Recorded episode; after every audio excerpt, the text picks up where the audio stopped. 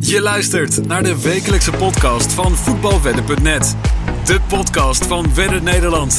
Met meer dan 60.000 leden is Voetbalwedden de grootste community van de Benelux. Welkom bij alweer een nieuwe aflevering van de wekelijkse podcast op voetbalwedden.net. Feyenoord weet de klassieker te winnen. Borussia Dortmund is de nieuwe trotse koploper in de Bundesliga. En Barcelona kan de titel ruiken na het winnen van El Clasico. Daarnaast bespreken we de gedeelde tips en hebben we weer nieuwe tips klaarstaan. Ik zit hier weer met Ivailo. Genoten van het weekend? Ja, zeker uh, Kevin. We hebben uh, flink wat klassiekers achter de rug. Dus uh, ik heb er zeker goed voor gezeten.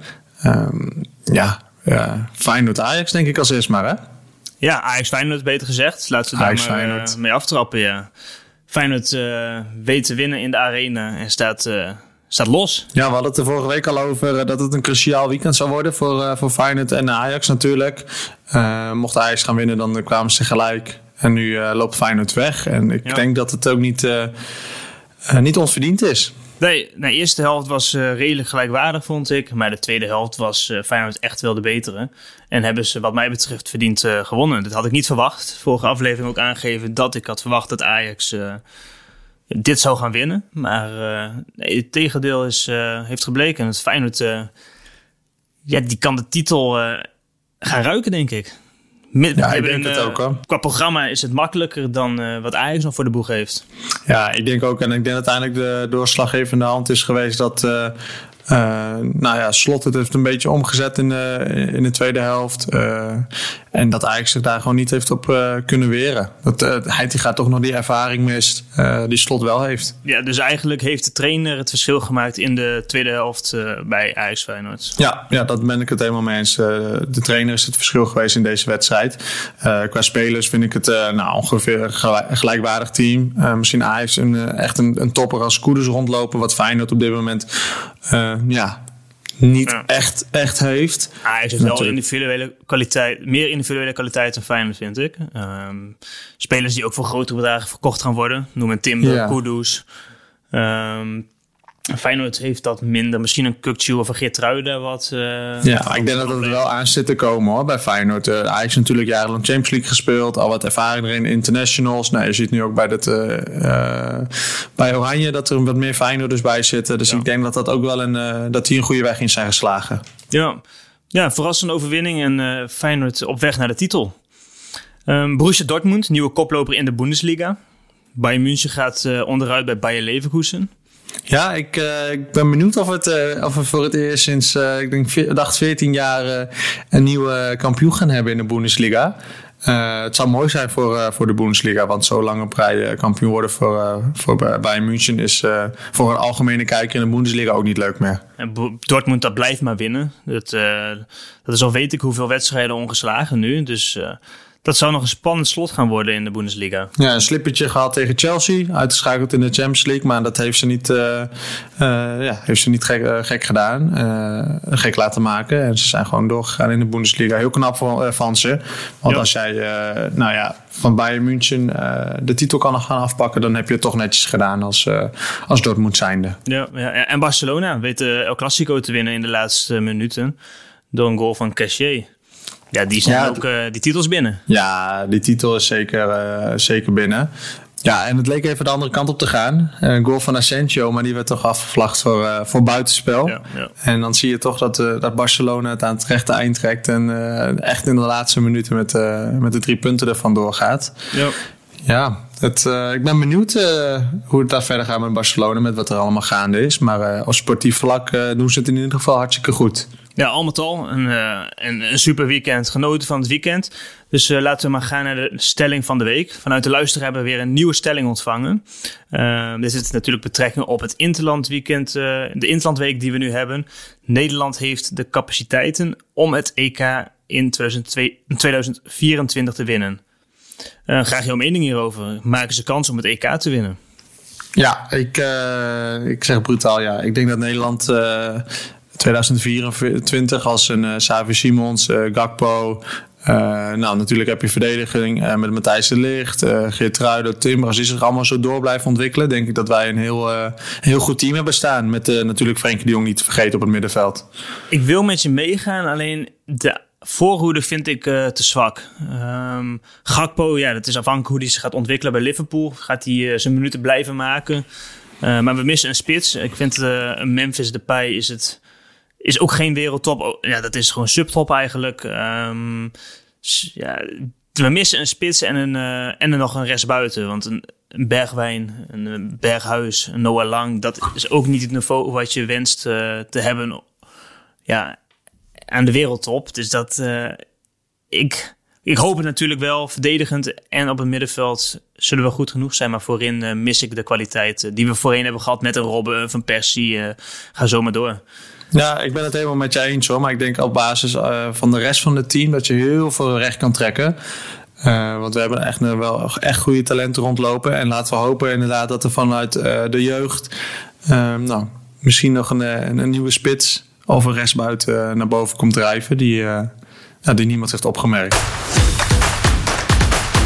Laten we de tips van uh, afgelopen weken maar even bij gaan pakken. De eerste wedtip die was tussen uh, Sassuolo en Spezia. Die werd al gespeeld op de vrijdagavond. Ja, wij verwachten een doelpunt in het duel. We gaven ook al aan, Sassuolo heeft in 15 van de 26 duels minimaal drie goals gezien. En voor Spezia gold het in 14 van de 26 duels.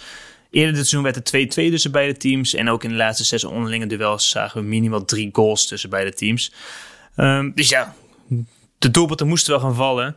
Het was een duel wat redelijk op neerging. Aan beide kanten waren er wel wat kansen, maar er viel maar geen doelpunt. Um, ja, dit resultaat later in de wedstrijd wel in wat afwachtende houding van beide teams om maar niet te verliezen. Ja, het eerste doelpunt viel dan toch. Dit was in de 71e minuut door een penalty van uh, Berardi. Het kwam vanaf dat moment wel echt los. Um, een hoop kansen aan beide kanten. Dan hoop je op een snelle goal, maar die viel helaas niet. Uh, daardoor hebben we niet de verwachte doelpunten gezien die, uh, ja, die we verwachten. En uh, is de eerste tip van de over 2,5 goals een lose. Ja, helaas. Dan gaan we naar wedtip 2. Deze speelde tussen Twente en, en AZ. beide teams dat nou, lekker op de aanval speelt en veel goals maken in wedstrijden. dit is dan ook te zien in de statistieken. Uh, bij Twente zijn er uh, vier van de vijf, laatste vijf wedstrijden drie goals uh, gevallen. En bij AZ was dit ook vier van de vijf wedstrijden. Minim, minimaal drie goals. Twente begon de wedstrijd voortvarend. Zo stonden ze binnen 12 minuten al op een 2-0 voorsprong. Beide goals werden gemaakt met het hoofd door Ugalde. Een van de kleinste mannetjes van het veld. Uh, daarna probeerde AZ druk te zetten. Alleen was het Twente die er af en toe gevaarlijk uitkwam. Uh, maar in de tweede helft was het dan wel raak voor AZ. Jesper Karlsson wist in de korte hoek Oenestal te, te verslaan. En maakte hierdoor de 2-1. Hierdoor is de wedtip van over 2,5 tegen een odd van 1,81 een winnaar geworden. Ja, mooie winnaar. Laten we meteen maar gaan naar de derde tip. Die was tussen Torino en Napoli. Uh, Napoli had in uitduels nog maar één duel uit gelijk gespeeld en één duel uit verloren dit seizoen. De overige elf duels wisten ze allemaal te winnen. Uh, de laatste vijf uitduels hebben ze ook allemaal weten te winnen in de competitie. Dus het verschil tussen Napoli en de overige teams is erg groot, gaven we aan in de vorige aflevering. Uh, helemaal wanneer Osimhen en Kvaratskhelia het op een heupen hebben. Ja, niets bleek minder waar, wat, uh, wat we al voorspelden. De 0-1 kwam op naam van Osimhen, de 0-2 op naam van Kvaratskhelia en de 0-3 weer op naam van Osimhen. Uiteindelijk werd het ook nog 0-4 door Ndombele.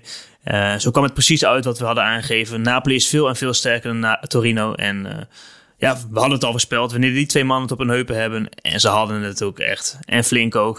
Um, zijn er maar weinig die ze kunnen verdedigen. Dus uh, hierdoor is de wedtip Napoli winst tegen een, ja, wat mij betreft erg hoge odd. 1,80 euro. Gezien het resultaat 0-4. Een hele gemakkelijke winnaar geweest.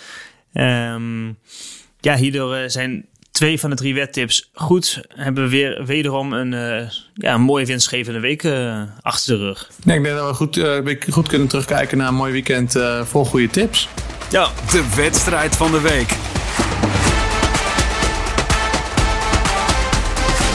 We hebben Interland Week, wat we zojuist aangeven. Die is tussen.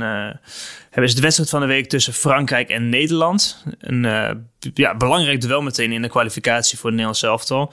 Uh, zonder Frenkie de Jong en zonder Bergwijn in mindere mate. Wat verwacht jij? Het is ook natuurlijk de eerste pot onder Koeman. Ja, ik ben benieuwd uh, hoe Koeman het gaat neerzetten. Natuurlijk nu Frenkie de Jong wegvalt. Uh, ja, Bergwijn helaas ook. Maar ik weet niet of die had gespeeld voor ons in de basis.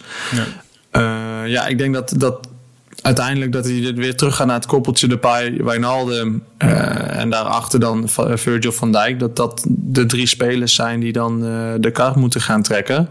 Uh, en dat Gakpo dan vanaf links gaat spelen. En dan ben ik echt wel benieuwd wie die op het middenveld gaat neerzetten. Ja, ze spelen tegen Frankrijk. Koeman heeft aangegeven weer terug te gaan naar het vertrouwde 4-3-3. Uh, Frankrijk is zelf ook een afwachtende ploeg. Die loeren op de counter. Dat heb je ook wel gezien op het WK. Zoals ja, bulken van de kwaliteiten is dat, uh, ja, vind ik het altijd een beetje lafjes. Maar ja, het is natuurlijk, als je als Nederlands zelf zijn, de, de, ja, druk gaat zetten tegen een Mbappé op de counter. En ze hebben er nog veel meer rondlopen. Een Koolman, een Kolo Muani. Uh, wie hebben ze allemaal wel niet uh, rondlopen daar? Ze kunnen wel drie teams opstellen. um, ja, gaat Koeman voor zekerheid op middenveld? Dus bijvoorbeeld een Martin de Roon? Of gaat hij hier een voetballer naast zetten? Dat is, uh, dat is de vraag. Ja, het is ook maar de vraag: gaat, de, gaat Wijnaldum op 10 spelen? Of gaat hij op het middenveld uh, meer een, een achterrol spelen? Uh, wie gaat dan de rol van Frenkie de Jong invullen? Uh, dat, is, dat is denk ik ook de vraag. Ja. En um, ik denk dat het nog heel spannend kan gaan worden. Want hij heeft natuurlijk Mats Wiever opgeroepen. Nou, Joey Veerman op het laatst. Uh, Kenneth Taylor die er al natuurlijk bij zat. Koopmijners. Koop, nee, die was geblesseerd, uh, oh. Koopmijners dus. Uh, ja, ik denk, ik denk of, of, wat ik graag had gezien, is dan nu gewoon met uh, Wiever en Drone op het middenveld. En ja, ik geef eigenlijk echt wel de voorkeur aan Savi Simons boven Wijnaldum op dit moment. Ja, ik zou zelf Savi Simons in de voorhoede neerzetten op de buitenkant. Een beetje hangend van rechts. Ja, een wat vrije rol. Maar ja, het is heel lastig uh, nog te voorspellen wat de opstelling gaat zijn uh, op deze woensdagavond. Um, dus ja, het is afwachten. Maar uh, ik denk dat Nederland het bijzonder lastig gaat krijgen tegen Frankrijk. Dat gewoon ja, zoveel individuele kwaliteiten hebben. Um, maar aan de andere kant denk ik ook wel weer als Nederland ze goed onder druk weet te krijgen en ja, weet uit te schakelen, dat je zomaar gewoon kan gaan winnen. Ja, en dan is het ook de grote vraag: wie gaat er op rechtsback spelen? Dumfries is uh, geschorst, uh, geen Frimpong opgeroepen, uh, wie, geen Kenny Teten. Wie gaat Mbappé afstoppen ja. daar? Ja. Gaat het Timber worden? Gaat het Geertruiden worden? Ik zelf Veel meer smaak heb je niet. Ik zou zelf Geertruiden neerzetten. Die is ja, super bezig de laatste tijd. Maar ja, het is speculeren. En als jij even een voorspelling moet geven, wie gaat er winnen in dit duel? Um, ik denk een gelijkspel. Ik denk dat, uh, dat het een 1-1 gaat worden. Okay, ik denk dat Frankrijk toch gaat weten te winnen uh, op basis van individuele kwaliteiten uh, van een Mbappé bijvoorbeeld. Nou, we gaan het zien. Ik hoop in ieder geval op een leuke wedstrijd.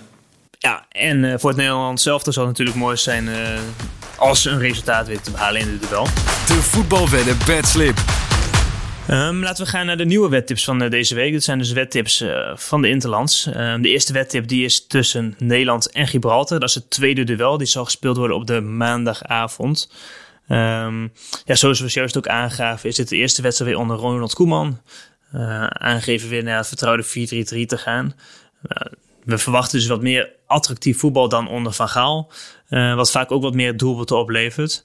Uh, in dit geval speelt Nederland tegen Gibraltar, waar ze in 2021 ook twee keer tegen speelden. Hierin wisten ze uit met 0-7 te winnen en thuis met 6-0 te winnen.